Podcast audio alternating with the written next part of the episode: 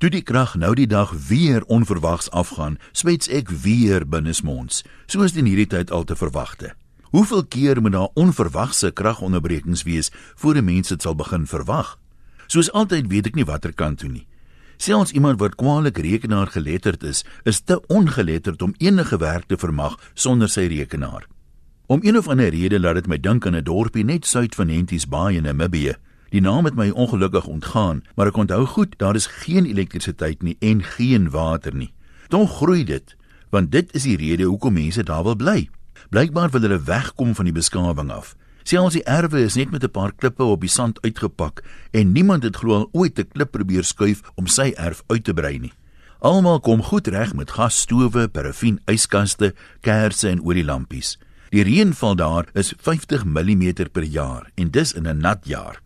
Elke huis het egter 'n watertank wat op skedule gevul word deur 'n tankvragmotor wat blykbaar water kry by 'n ontsoutingsaanleg daar naby. Maar as jou water op is, is dit op. Mense moet dus gedissiplineerd lewe of dood van die dors. Niemand is egter al dood van die dors nie, maar as die plekie in Suid-Afrika was, sou dit dalk anders gewees het. Hier by ons is dit nou wel in baie streke droog, maar ek weet nie van 'n plek waar minder reën as 2 duim per jaar normaal is nie. As daar was, sou mense wat vrywillig soontoe getrek het, nie as normaal beskou word nie. Die punt wat ek probeer maak is dat 'n mens maklik oor die weg kan kom sonder volop water en die gemak van alles wat met elektrisiteit werk. Ons gemaksig het ons egter op 'n plek gebring waar ons so gewoond geraak het aan die moderne geriewe dat dit totaal ondenkbaar is om daar sonder te lewe. Baie mense het nie eers 'n kers of 'n flits byderhand as 'n kragonderbreking hulle skielik in die donker laat nie. Ons is nie voorberei nie, maar die mense in Namibië het aangepas. Ons hoor dat die Kaap dalk afstuur op droë krane, maar byna almal leef in ontkenning en byna niemand het al probeer voorsorg tref nie. In die verlede het natuurrampe mense al van al hulle besittings gestroop. Die ystydperke die dinosourusse het uitsterf omdat hulle nie kon aanpas nie.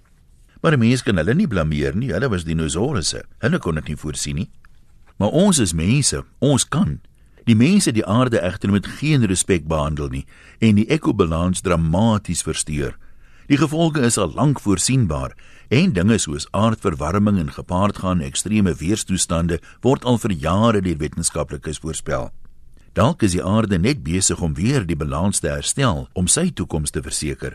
Dalk sal ons drastiese aanpassings moet maak om te oorleef. Daar is geen waarborg dat ons deel sal vorm van die toekoms nie, maar aan die ander kant daar was nog nooit. Geniet jou dag en groete van oor tot oor. Antoniem